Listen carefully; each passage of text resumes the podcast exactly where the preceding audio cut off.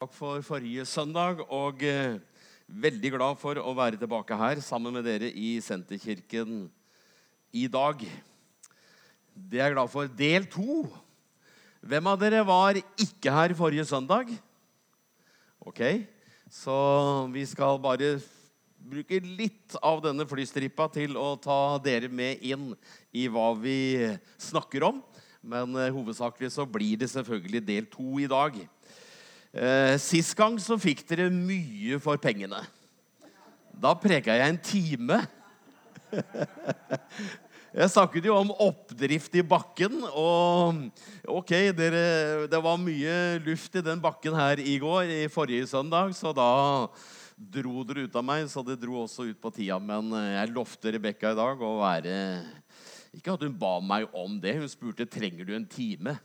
Så sier jeg at det er mer enn jeg planlegger. Jeg har iallfall satt i gang klokka her. Den teller ned på 40 minutter, så får vi se. Det gjorde jeg forrige søndag, og da ble det røde tall etter hvert. Men jeg heter Arild og Svartdal og er glad for å være her. Og eh, takk for invitasjonen, takk for muligheten. Det er jeg veldig glad for. Eh, temaet dere har utfordret meg på, eller som pastor Alvaro ba meg om, var å snakke om menighet. Og det er et tema som ligger meg veldig tett på hjertet. Så der begynte vi sist gang, og eh, vi snakket om menigheten som Guds mysterium og verdens håp.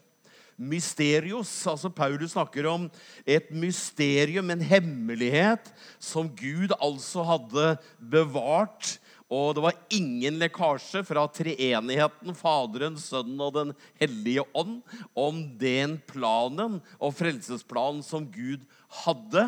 Den hadde han holdt hemmelig gjennom hele Det gamle testamentet. Selv om profetene så mye, så så de aldri denne planen. Og Paulus skriver i Efesbrevets tredje kapittel.: Jeg, sier han, som er den minste av de hellige har fått den nåde å forkynne det gode budskapet om Kristi ufattelige. Altså Ufattelig er jo når jeg ikke kan fatte, når jeg ikke kan forstå Guds uh, fattelige rikdom for folkeslagene. Å bringe Guds frelsesplan. Det var det Gud hadde. En plan for hvordan Gud skulle redde mennesket til ånd, sjel og legeme etter syndefallet. Fram i lyset det mysteriet som fra evighet av har vært skjult hos Gud, han som skapte alt.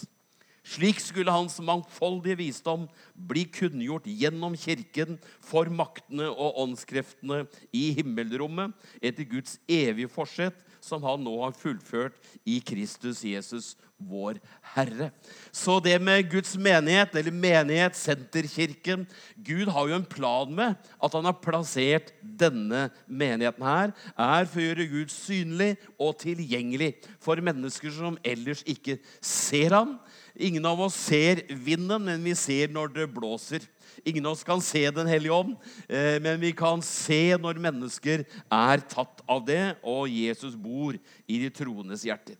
For Paulus var denne åpenbaringen fantastisk. Dette å forstå og se mangfoldet i Guds, menighet. Ikke bare lenger skulle Gud ha folk blant jødene som sitt folk, men han vil ha alle mennesker. Det er ikke forskjell på mann og kvinne, hvit eller svart, fattig eller rike.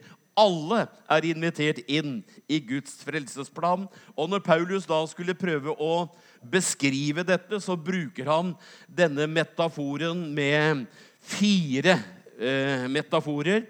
Og som vi da, når vi skulle ha trykk, så bare gå tilbake igjen. Det er jo Når vi skal ha firefarva trykk, så bruker vi fire farver. Det er blå, rød, gul, og så er det den svarte. Og kombinasjonen av disse gjør jo at vi får fantastiske farvenyanser. Så vi får ikke et fantastisk farvenyansert bilde med bare én farve eller to farver. Da blir det noe som ikke fungerer. Selv om du elsker gult, så vet vi at det blir kjedelig over tid. Og når vi skal snakke om Guds menighet, så er det altså disse metaforene Paulus bruker. Det er menigheten som Guds familie, som Kristi kropp, som Guds bygning og som Kristi brud. Og Det sa jeg mer om sist gang, men det er disse fire metaforene, eksemplene, som gjør at når jeg snakker til oss som Guds forsamling, så kan vi litt, avhengig, av, litt avhengig av nådegaver og personlighet, så vil noen av oss like bedre tanken på Guds menighet som familie, der vi er søsken og vi tar vare på hverandre. Men samtidig så er også menighet Kristi kropp, som vi hørte her. Kristus er hodet, og vi er hverandres lemmer. Men ikke nok med det. Vi trenger også å forstå at Gud ikke bor i hus gjort med hender. Men vi som Guds forsamling er kalt til og utvalgt å være bolig for Gud. Når noen sier at ja, Jesus var her inne i senterkirken før jeg kom, og jeg var den første. Og da tenker jeg nei, Jesus var vel ikke her før noen kom hit. Han bor jo ikke i veggene her. Han bor ikke i lufta her, men han kom sammen med deg som kom først her. For du er et tempel for Den hellige ånd. Da kommer Den hellige ånd. Og når vi kommer sammen som Guds forsamling, det er jo det fantastiske med bolig. Men det skal vi snakke mer om i dag. Det hører med til del to.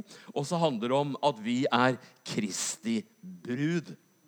Jeg syns det er flott når det står i første Mosebok at Gud så at det ikke var godt for mannen å være alene. Jeg er så glad for at Gud har den empatien, at han gjorde noe med det. Men så fikk han jo en sønn, den eneste. Og jeg tenker at Guds fars hjerte tenker, Det er ikke godt for gutten min og sønnen min å være aleine. Så jeg vil gi han en kvinne. Og den kvinnen er Guds menighet. Så nå snakket vi mer om dette sist, om eh, menighet som Guds familie. Derfor sier Paulus i Efeserne 2.: Er dere ikke lenger fremmede og utlendinger? Nei, dere er de helliges medborgere, og dere er Guds familie. Hvor vi altså ikke velger søsken, jeg kan ikke velge hvem er broren min og hvem er søstera mi, men Gud som ville at mennesket skulle bli født på nytt. Og alle som har Gud som far, vi er søsken. Enten du liker det eller ikke. Enten du er enig med søstera di eller uenig med søsteren din, så er vi søsken, og vi har én far. Og det handler om å ta godt vare på familierelasjonene. Og så handler det altså om eh, Menigheten som Kristi kropp. Der handler det om relasjoner også, men mer i forståelse av gjenkjenning av ulike nådegaver og mangfold. Gud gjør ikke forskjell på folk, men han gjør oss forskjellige. Og før vi verdsetter ulikheter Det er en utfordring. At folk er annerledes enn meg. Men eh, det er en forutsetning for å skape synergi. Synergi er mer enn summen av hva hver enkelt del gir. Gamletestamentet slår at én slår 1000, og to tar 10 000. Hvis de i utgangspunktet tar 1000 hver, så skjer det noe når de to kommer sammen som ett i én visjon, én drøm. Da blir summen mer enn hva de kan bidra med hver for seg. Det er synergi. Og det er når vi kan leve godt sammen. Og så handler det altså om eh, at vi er Kristi bolig.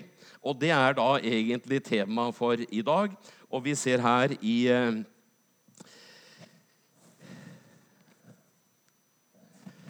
I Efeseren igjen.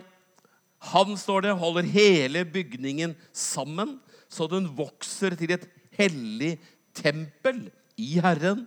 Og i ham blir også dere bygd opp til en bolig for Gud i ånden.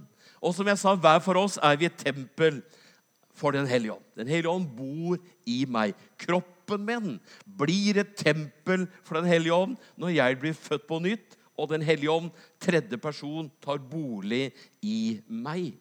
Og så handler det jo om denne bygningen.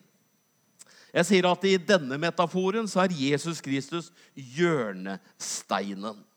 Eh, det er, eh, så langt jeg skjønner, utgangspunktet for det huset som skal bygges. Vi skulle sette opp et hus da vi bodde i Mysen. Eh, og da måtte vi sette ringmur rundt. Hvis vi ikke har kjeller. Men, og den ringmuren måtte være i lodd og i vater. Fordi at det som er små skeivheter til å begynne med, det blir fort større. Derfor så må grunnmuren, hjørnesteinen, være i lodd og i vater. Og det som avgjør at på dette, dette grunnlaget kan vi bygge dette huset. Og det var profetert mange år før om Jesus Kristus. Se, på Sion legger jeg en hjørnestein, utvalgt og dyrebar. Den som tror på ham, skal ikke bli til skamme. Jesus Kristus er hjørnesteinen. Paulus sier han er grunnvollen. Og Jesus sier til Peter og disiplene på denne bekjennelse vil jeg bygge min kirke. Bygg åpenbaringen om at Jesus Kristus er Guds sønn. Og Når vi snakker om bolig, så er jo Jesus Kristus hjørnesteinen. Men hver og en av oss er jo i denne sammenhengen en sten. Sten er hardt materiale. Men det er jo et paradoks eller som vi må forholde oss til når Paulus snakker om levende stener. De kryper jo ikke rundt, men eh, allikevel sier han de er levende. Og det vil si at de er ikke støpt i form, det er forskjell på en levende naturstein og murstein som er like høye og like breie og like lange, hvor alt er støpt i samme form. Og der står det her Peter skriver i sitt andre kapittel Kom til ham, den levende stenen. Som ble vraket av mennesker, men er utvalgt og dyrebar for Gud. Og bli selv levende steiner, som bygges opp til et åndelig hus bli et hellig presteskap og bær fram åndelig offer som Gud tar imot med glede ved Jesus Kristus.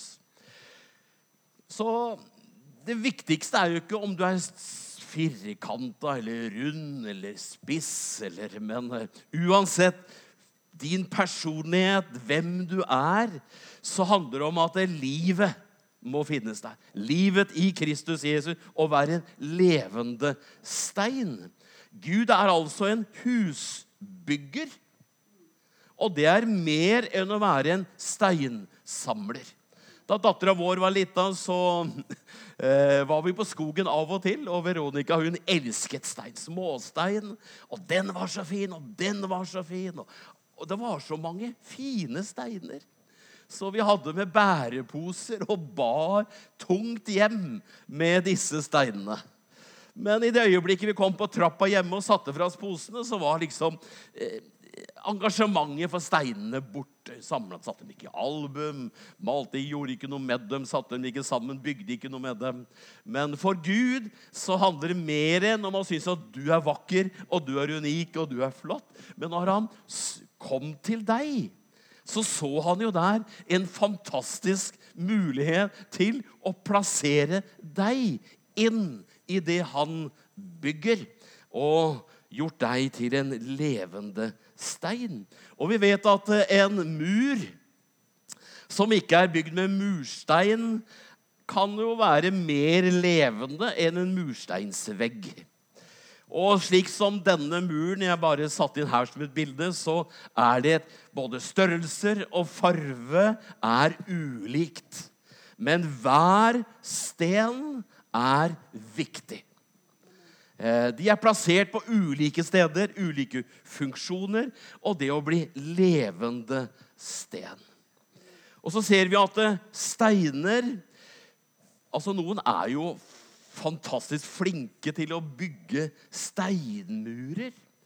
Altså Når jeg kjører på Jæren og ser alle disse gjerdene av runde steiner og Jeg tror ikke de har brukt en gram med sement men de ligger der år etter år. Og når da Gud skal bygge sin menighet, så må jeg jo si han har valgt et vanskelig materiale. Og liksom ta deg som råmateriale og hente deg inn i og si her er det en fantastisk stein. For deg har jeg tenkt å plassere akkurat der. For hvis ikke, så blir det skjevt. For hver sten som er lagt inn her, har sin plass. Og nå har jeg bare tatt bilde her av en murstein, bare for å For hver sten har seks kanter. Så det kan du tenke når du tenker der du er plassert i denne Guds bolig.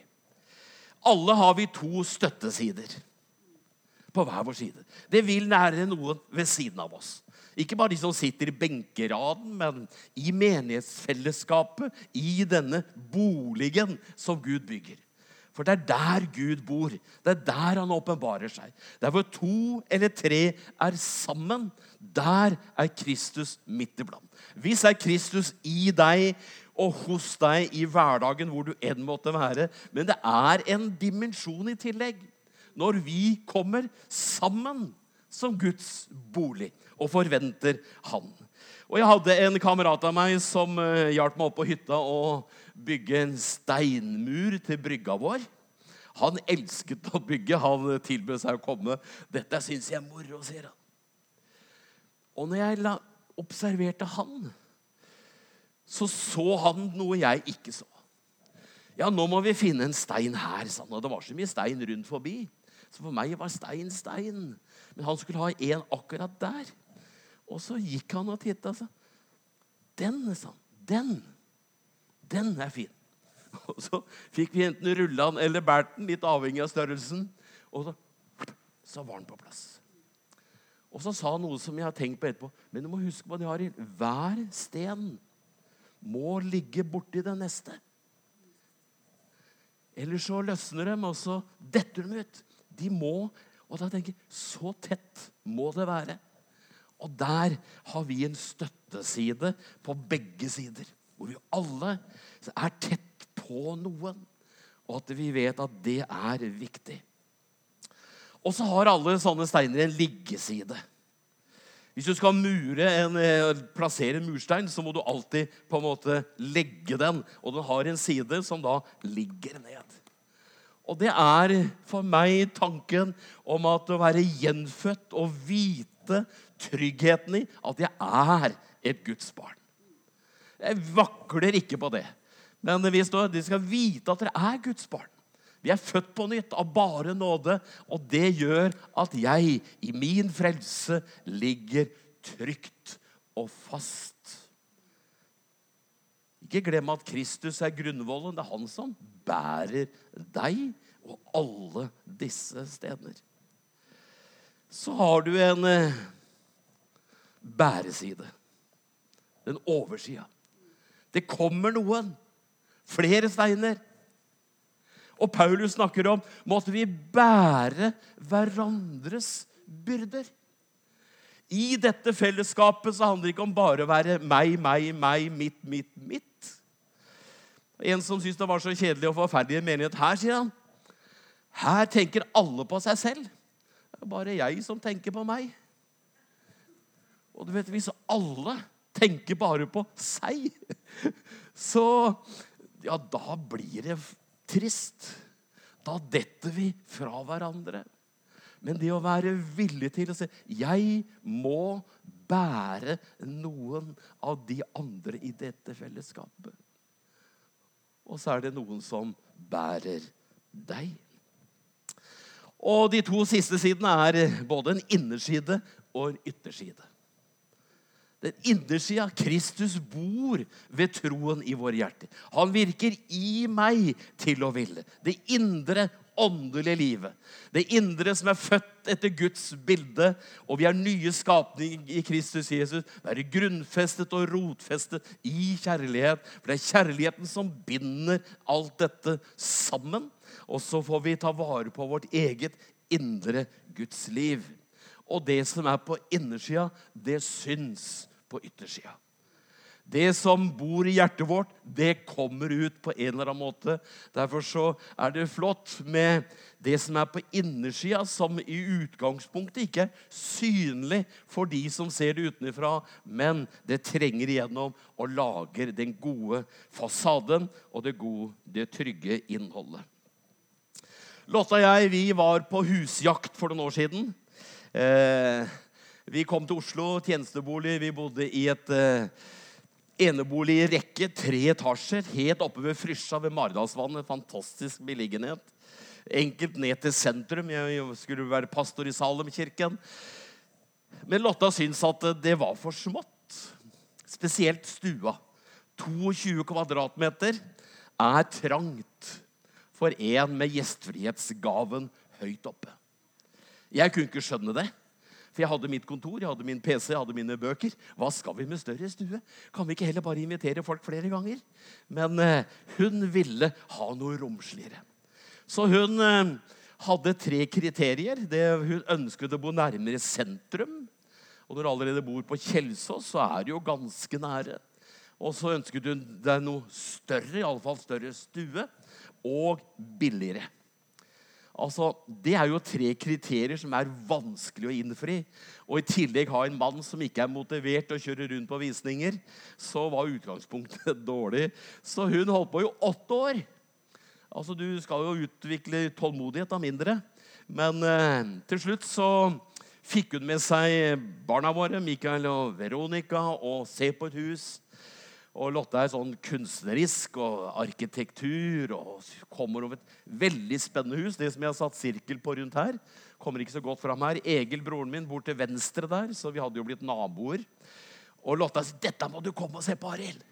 Dette er fantastisk. Og jeg ja, ja, ja, så jeg får bli med og se. da. For jeg skjønner Når det blir en allianse av mor og våre to barn, da stiller du svakt. Eh, selv om du er mann. så... Eh, så jeg kommer, for nå skal jeg se om det er praktisk tilrettelagt for oss. da. Og så kommer jeg, og så går jeg gjennom huset, og så må jeg innrømme at det var et fantastisk spennende og flott hus. Så tenker jeg at før du kjøper hus i Oslo, så er det greit å vite eh, hva du kjøper. Og om det er verdt prisen, for det er fort høy pris. Så jeg ringte Trond, broren min, yngstemann. Han eh, sammen med en av de andre brødrene våre drev et byggeentreprenørfirma i Oslo. Oslo Byggentreprenør. Og Trond har alltid sagt at eh, han kunne se fall på stuegulvet på 2-3 millimeter med det blotte øyet. Og jeg tenkte at Trond må jo være mannen til å sjekke dette huset for oss. Og så Ja, det er klart jeg kan det, sier Trond. Og så kommer han, og så gjør vi en avtale, og så går han gjennom huset. Og vi står jo og tripper og er fryktelig spent på hva Trond sier. Da sier Trond at eh, sånne hus som dette her, sier han, de trenger de aller beste håndverkerne. For det var spesialdesigna og tegnet. Det fantes bare ett sånt hus. Og Så sier han en ting til menn, sier han. De håndverkerne har ikke vært her. Og eh, det var det som skulle til for at vi ikke la inn bud. De håndverkere sier, har ikke vært her. Han så jo ting som ikke vi så. Så vi la ikke inn noe bud. Og et år etterpå så var vi veldig glad for det, for da var det stillasjer rundt hele huset, og vi skjønte at takkonstruksjonen måtte legges på nytt. Og så tenker jo jeg da, når Trond sier 'dette huset trenger de beste håndverkerne', og spørsmålet er de her, så tenker jeg på Jesus når han sier 'Jeg vil bygge min menighet'. Og så hadde det vært spennende å få Jesus inn her og tatt en sjekk på dette huset. Ikke bygningen men Senterkirken som menighet. For han sier at dette huset trenger de beste håndverkerne. Og vi kjenner jo godt håndverkere. Vi bør ikke være bygningsperson for å vite at det står vannstrålen oppi taket på badet. Så trenger jeg en rørlegger. Hvis ingenting virker, jeg slår på alle brytere, og det lyser hos alle naboene, så er det noe galt hos oss. Og da ringer jeg ikke rørleggeren som var så flink forrige gang og tetta vannlekkasjen, men da må jeg ringe en elektriker. Og så vet vi når vi må ha en murer, vi må ha en snekker, vi skal ha en maler. Og så prøver vi å få de beste til best mulig pris. For de er de som kan hjelpe oss å bygge huset vårt. Og Gud bygger sin bolig. Jesus sa, 'Jeg vil bygge min menighet'. Da Gud skapte himmel og jord, så skapte han det ut av ingenting. Det blir, og så blei det. Det vrimler, og så vrimlet det. Men da Jesus kommer og sier 'Jeg skal bygge min menighet', så velger han altså det vanskeligste materialet syndere som er gjenfødt av bare nåde. Av ulik kaliber, ulik kvalitet, ulike hudfarger, ulike oppvekstvilkår. Ut av dette kaller Gud mennesket til å bli levende steiner. For sammen å bli en bolig for Gud, der han kan gi seg selv til kjenne. Jesus han eh, da han gikk omkring her, så var han både apostelen, profeten, evangelisten, hyrden og læreren. Jesus apostelen i Hebreerbrevet 1.: Derfor, hellige søsken, dere som har fått del i det himmelske kallet, se på Jesus, den utsending, apostolos og oversteprest som vi bekjenner. Jesus var apostelen. Jesus var profeten i Lukas 4. Hva da? spurte han. Det med Jesus fra Nasaret, svarte de. Han var en profet. Mektig i ord og gjerning for Gud og hele folket. Så Jesus var apostelen, han var profeten. Og så var han evangelisten. Det ser vi i Matteus' 9. kapittel. Jesus vandret nå omkring i alle byene og landsbyene. Han underviste i synagogene deres, forkynte evangeliet om riket og helbredet all sykdom og plage. Han var evangelisten som gikk fra landsby til landsby. Jesus var hyrden. I Johannes 10 står det 'Jeg er', sier Jesus, 'den gode gjeteren'. Den gode gjeteren gir livet sitt for sauene. Han er den gode hyrden. Og så er han læreren. Han kom til Jesus om natten og sa, 'Rabbi', vi vet at du er en lærer som er kommet fra Gud. For ingen kan gjøre de tegnene du gjør, uten at Gud er med ham. Så da Jesus levde her og gikk omkring så for å utbre Guds rike, så måtte han veksle litt mellom roller og funksjoner og hva han skulle bidra med. For han visste jeg er apostelen, jeg er profeten, evangelisten, jeg er hyrden og læreren. Og alt dette her gjorde at Guds rike nådde stadig lengre og ble synligere og synligere. Og når Jesus da for til himmelen, så står det at han gav sine gaver. Han ga andre enn seg selv. Han bemyndiget andre mennesker til å gå inn i funksjonen som apostler, profeter, evangelister og hyrder og lærere. Det er gaver gitt til menigheten. Og så, på samme måte som vi trenger håndverkere for å bygge husene våre, så trenger vi å gjenkjenne tjenestegavene, håndverkerne, som Gud har gitt oss. Jeg nevnte sist, bare skal ikke ta mye tid på det nå, men da snakket vi om tre kategorier nådegaver. Den helt til venstre, motivasjonsgavene, de medfødte nådegaver gitt oss ved fødselen, som blir åndelige nådegaver når jeg gir det til Jesus, og jeg bruker dem for å ære Gud og være til hjelp for andre mennesker. Ikke for å fremheve meg selv, men for å gi Gud ære og til å hjelpe andre, så oppdager vi våre gaver. Så er det Den hellige ånd, den tredje personen i guddommens overnaturlige, guddommelige gaver. Eh, som da Paulus nevner i 1. Korinterev 12, hvor åndens overnaturlige gaver Paulus nevner ni. Eh, jeg tror ikke det er noen begrensning, men eh, det er ni han nevner. Og ånden ønsker å gi til kjenne sine gaver. Og Derfor så banker han på døra vår. Han banker på følelsene våre, tankene våre, fornemmelsene våre. Ari, burde du ikke? Hva med den personen? Skulle du ikke be for den? Skulle du ikke ringe den? Eh, hva hvis? Og så vil Den hellige ånd aktivere sine gaver. Men jeg kan enten si nei takk og lukke den døra, eller våge ved troen å aktivere åndens gaver. Så du kan være profetisk i din motivasjonsgave uten å profetere. Du kan ha ånden i deg og profetere ved ånden uten å være profet. Men så har du da tjenestegaven helt til høyre, hvor det er menn og kvinner kalt av Gud. Håndverkere gitt til menigheten, som vi skal gjenkjenne og forstå behovet av.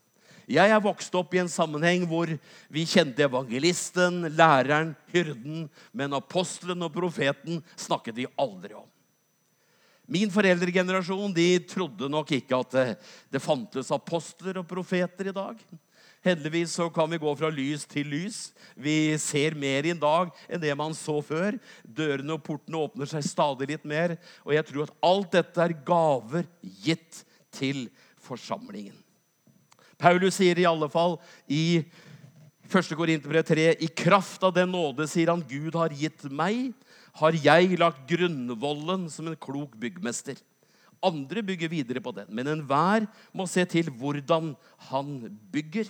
Ingen kan legge noen annen grunnvoll enn den som er lagt Jesus Kristus. Apostelen er eh, Altså da først apostler, står det. Så kan jo du velge selv hadde jeg sagt, hvordan definerer du det å være først. Er du først i rang? Er du først i viktighet? Er du først i tid? Er du først på sted? Jeg tenker at apostelen, utsendingen, vil være den som kommer først til et sted. For i den apostoliske gaven så ligger gründeren, grunnleggeren, initiativtageren. Og som gjør at Hvis du har disse, denne hånda her, så kan det være en grei huskeregel på de fem tjenestegavene. Da plasserer vi vanligvis apostelen som tommelen.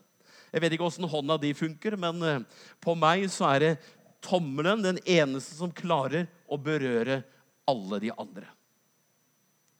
Så Derfor tenker jeg at apostelgaven kommer først. Fordi den apostoliske gaven har i seg et potensial alt etter behov.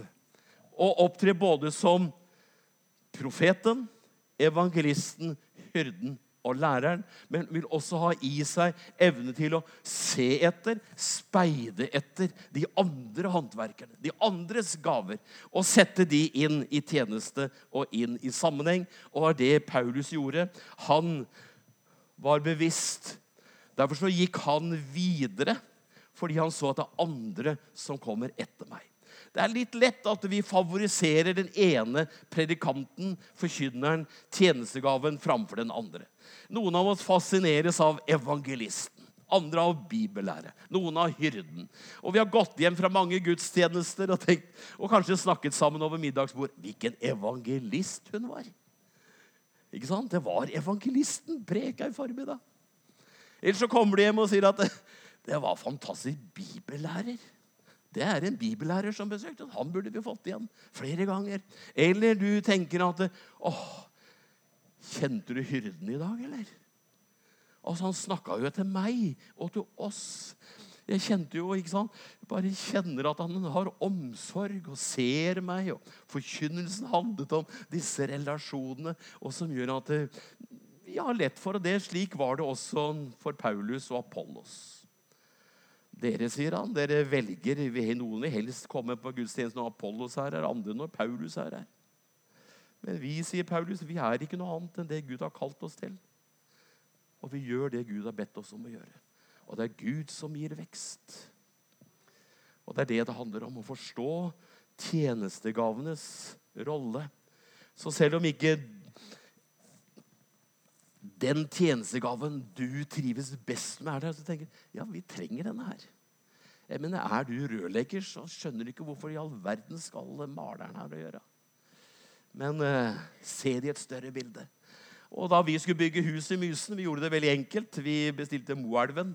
Så de kom med huset på tirsdag og ville ha takstein på, på lørdag. Så det gikk fort. Men uh, på en vanlig byggetomt og du ser murere, rørleggere, elektrikere, malere, så vet de alle når de skal komme inn. De slåss ikke på byggetomta. De ser på tegningen, og så kan jeg f.eks. si Kan du komme og male veggen i underetasjen? Før Moelven kommer og setter på sine moduler. Ja, sier han. Har snekkeren vært der, da? Nei. Å? Er det ikke satt opp noen vegger ennå? Nei. Men jeg liker deg som maler. Jo, men jeg har ikke noe å male på ennå. Og så tenker jeg oi, jeg må få inn snekkeren. ja. Snekkeren var fresh. Altså, De slåss jo ikke i det hele tatt. Men de vet at det er dette bygget vi bygger. Det er ikke jeg som snekker og maler som er byggherre. Det er ikke min menighet. Det er hans menighet. Jesus sa 'jeg vil bygge min menighet'. Det er han som har skissa. Og da må vi finne våre plasser og vår timing på det. Og så må vi, som Paulus sier, se til hvordan vi bygger videre på den.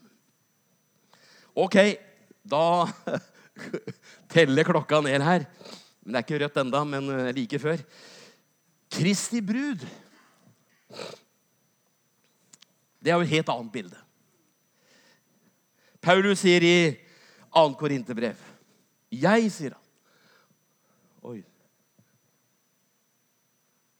Jeg har lovet dere bort til Kristus. Altså, jeg har hørt om arranged marriage.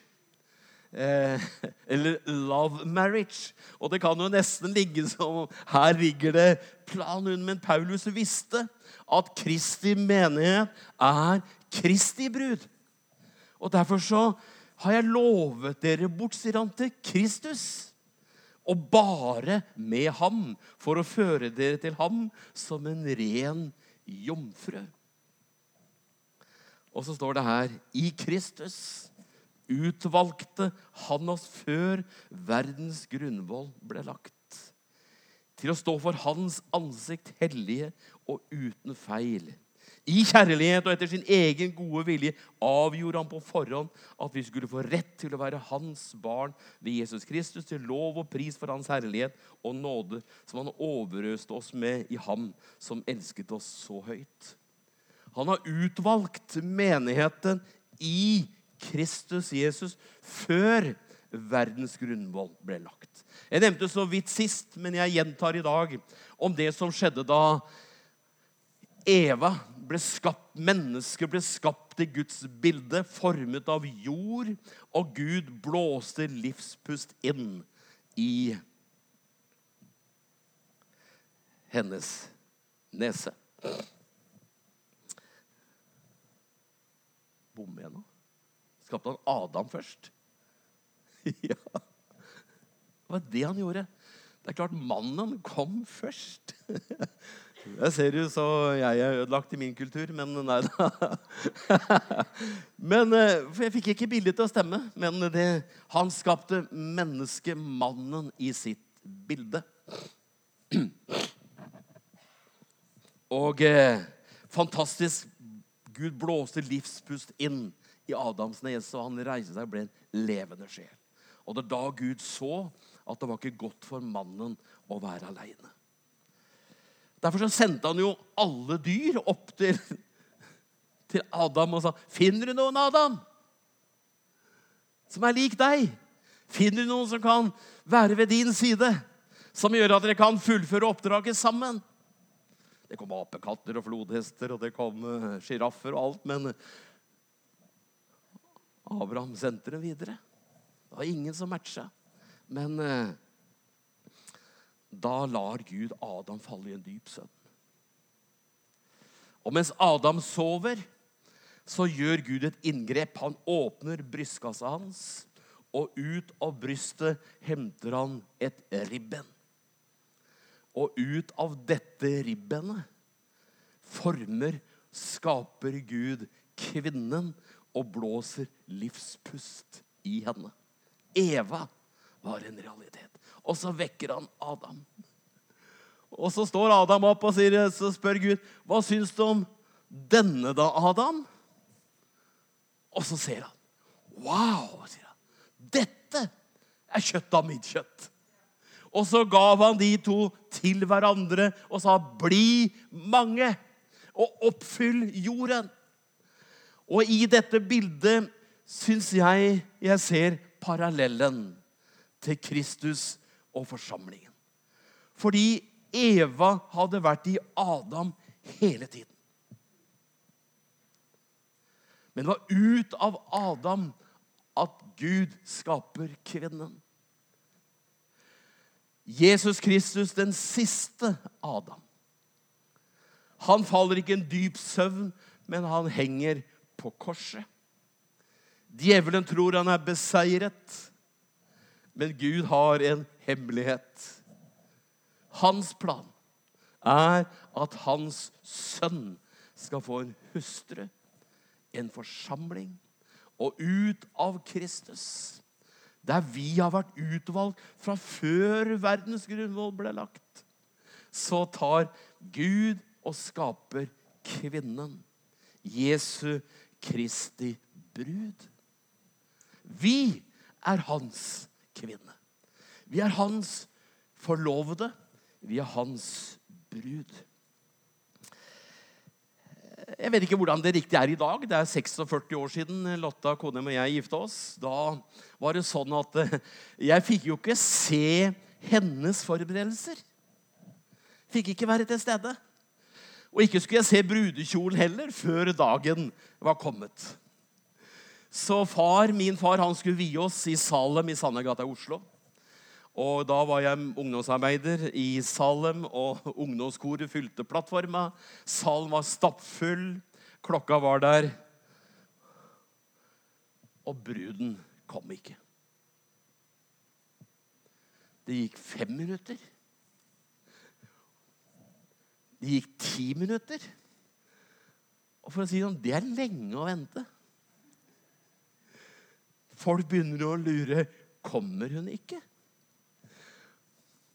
Og far han er jo en liten humorist. Og så sier 'Arild', sier han. 'Jeg tror ikke at hun kommer', jeg, sier han. 'Vi får ta et vanlig møte'. Du får ta innledningen, du, sier han til meg. han hadde med prekena si klar. Men, uh, så litt sånn galgenhumor midt oppi det her. Men uh, de minuttene blei lange. Og det skulle gå tolv minutter før Lotta, hennes far, kom inn. Så uh, da så jeg min brud. Jeg har vært tett på en brud som skulle vies dagen etterpå. Det var min egen datter. Da vi var i Malmö og, eh, og møte Veronica dagen før. Hun skulle møte sin brudgom. Det var spenning i lufta. Det var opptatt av eh, badet. Lotion. Hår skulle nappes på det her og litt der. Alt skulle være forberedt for å please, for å behage, for å være forberedt for dette øyeblikket. Da bruden og brudgommen skulle møtes. Det er forresten Oi, da har jeg ikke Ja. Det er eh, Veronica og Robert på bildet der, men, eh, men det å møte Og da tenker jeg Det å se hennes forberedelse til å møte brudgommen så tenker jeg på det temaet vårt i dag. Vi som Guds forsamling er den som forbereder oss til å møte brudgommen. Jesus, det står om han, eh, sier jo i Johannes 14, la ikke hjertet bli grepet av angst. Han skulle reise bort. Tro på Gud, sier han. Tro på meg. I min fars hus er det mange rom. Var det ikke slik, hadde jeg da sagt dere at jeg går og vil gjøre i stand et sted for dere. Jeg syns det er et fantastisk bilde. Han, vår brudgom, han forlot disiplene og dro til himmelen for å gjøre i stand et sted for sin brud. Og eh, det er jo fantastisk spennende. Og Jesus gjentar dette i Apostelens gjerninger 1. For da Jesus hadde sagt dette, ble han løftet opp. Mens de så på en sky, tok han bort foran øynene deres. Som de nå stirret mot himmelen mens han dro bort, sto med ett to menn i hvite klær foran dem og sa, Galileere, hvorfor står dere og ser mot himmelen? Denne Jesus som ble tatt bort fra dere, opp til himmelen, han skal komme igjen på samme måte som dere har sett ham far opp til himmelen. Jeg kommer, sier Jesus, for å hente dere. Jeg skal bare gjøre i stand et sted. Og så er det både personlige, individuelle forberedelser. Som Paulus sier, jeg er lovet bort til Kristus. Jeg er én av mange som utgjør hans brud. Noen har syntes at ti minutter, fem minutter kommer han ikke snart. da, tror jeg. Mange som har spekulert på tidspunktene og skremt vettet av noen av oss. Men én eh, ting vet jeg, at han lengter mer etter den dagen enn noen av oss. Han lengter. Han vet ikke hvilken pris han har betalt. Han vet at det var hans fars kjærlighet som gjorde at han skapte denne kvinnen for ham. Så vi er allerede lovet bort som brud. at den dagen kommer. Og vi tror selvfølgelig at den kommer nærmere nå enn det den noen gang har vært. Men Kristus kommer. Så ikke bli skremt av Jesu Kristi gjenkomst, men tenk på dette. Det er jo han som kommer. Jeg er hans brud, og så skal vi være sammen med han. Så Gud velsigne dere som Senterkirken her i Eiker til å se mangfoldig Guds menighet. At det på ene siden er det en familie med søsken og relasjoner. Så er det et lem av hverandres lemmer med ulike nådegaver som finner ulike oppgaver. Og så er dere en bolig for Gud. Der hvor Han er midt iblant og vil gjøre Jesus Kristus synlig og tilgjengelig for bygdene rundt omkring her. Og så har vi denne forventningen til Jesus. Det er du som kommer. Vi er din brud. Herre, vi takker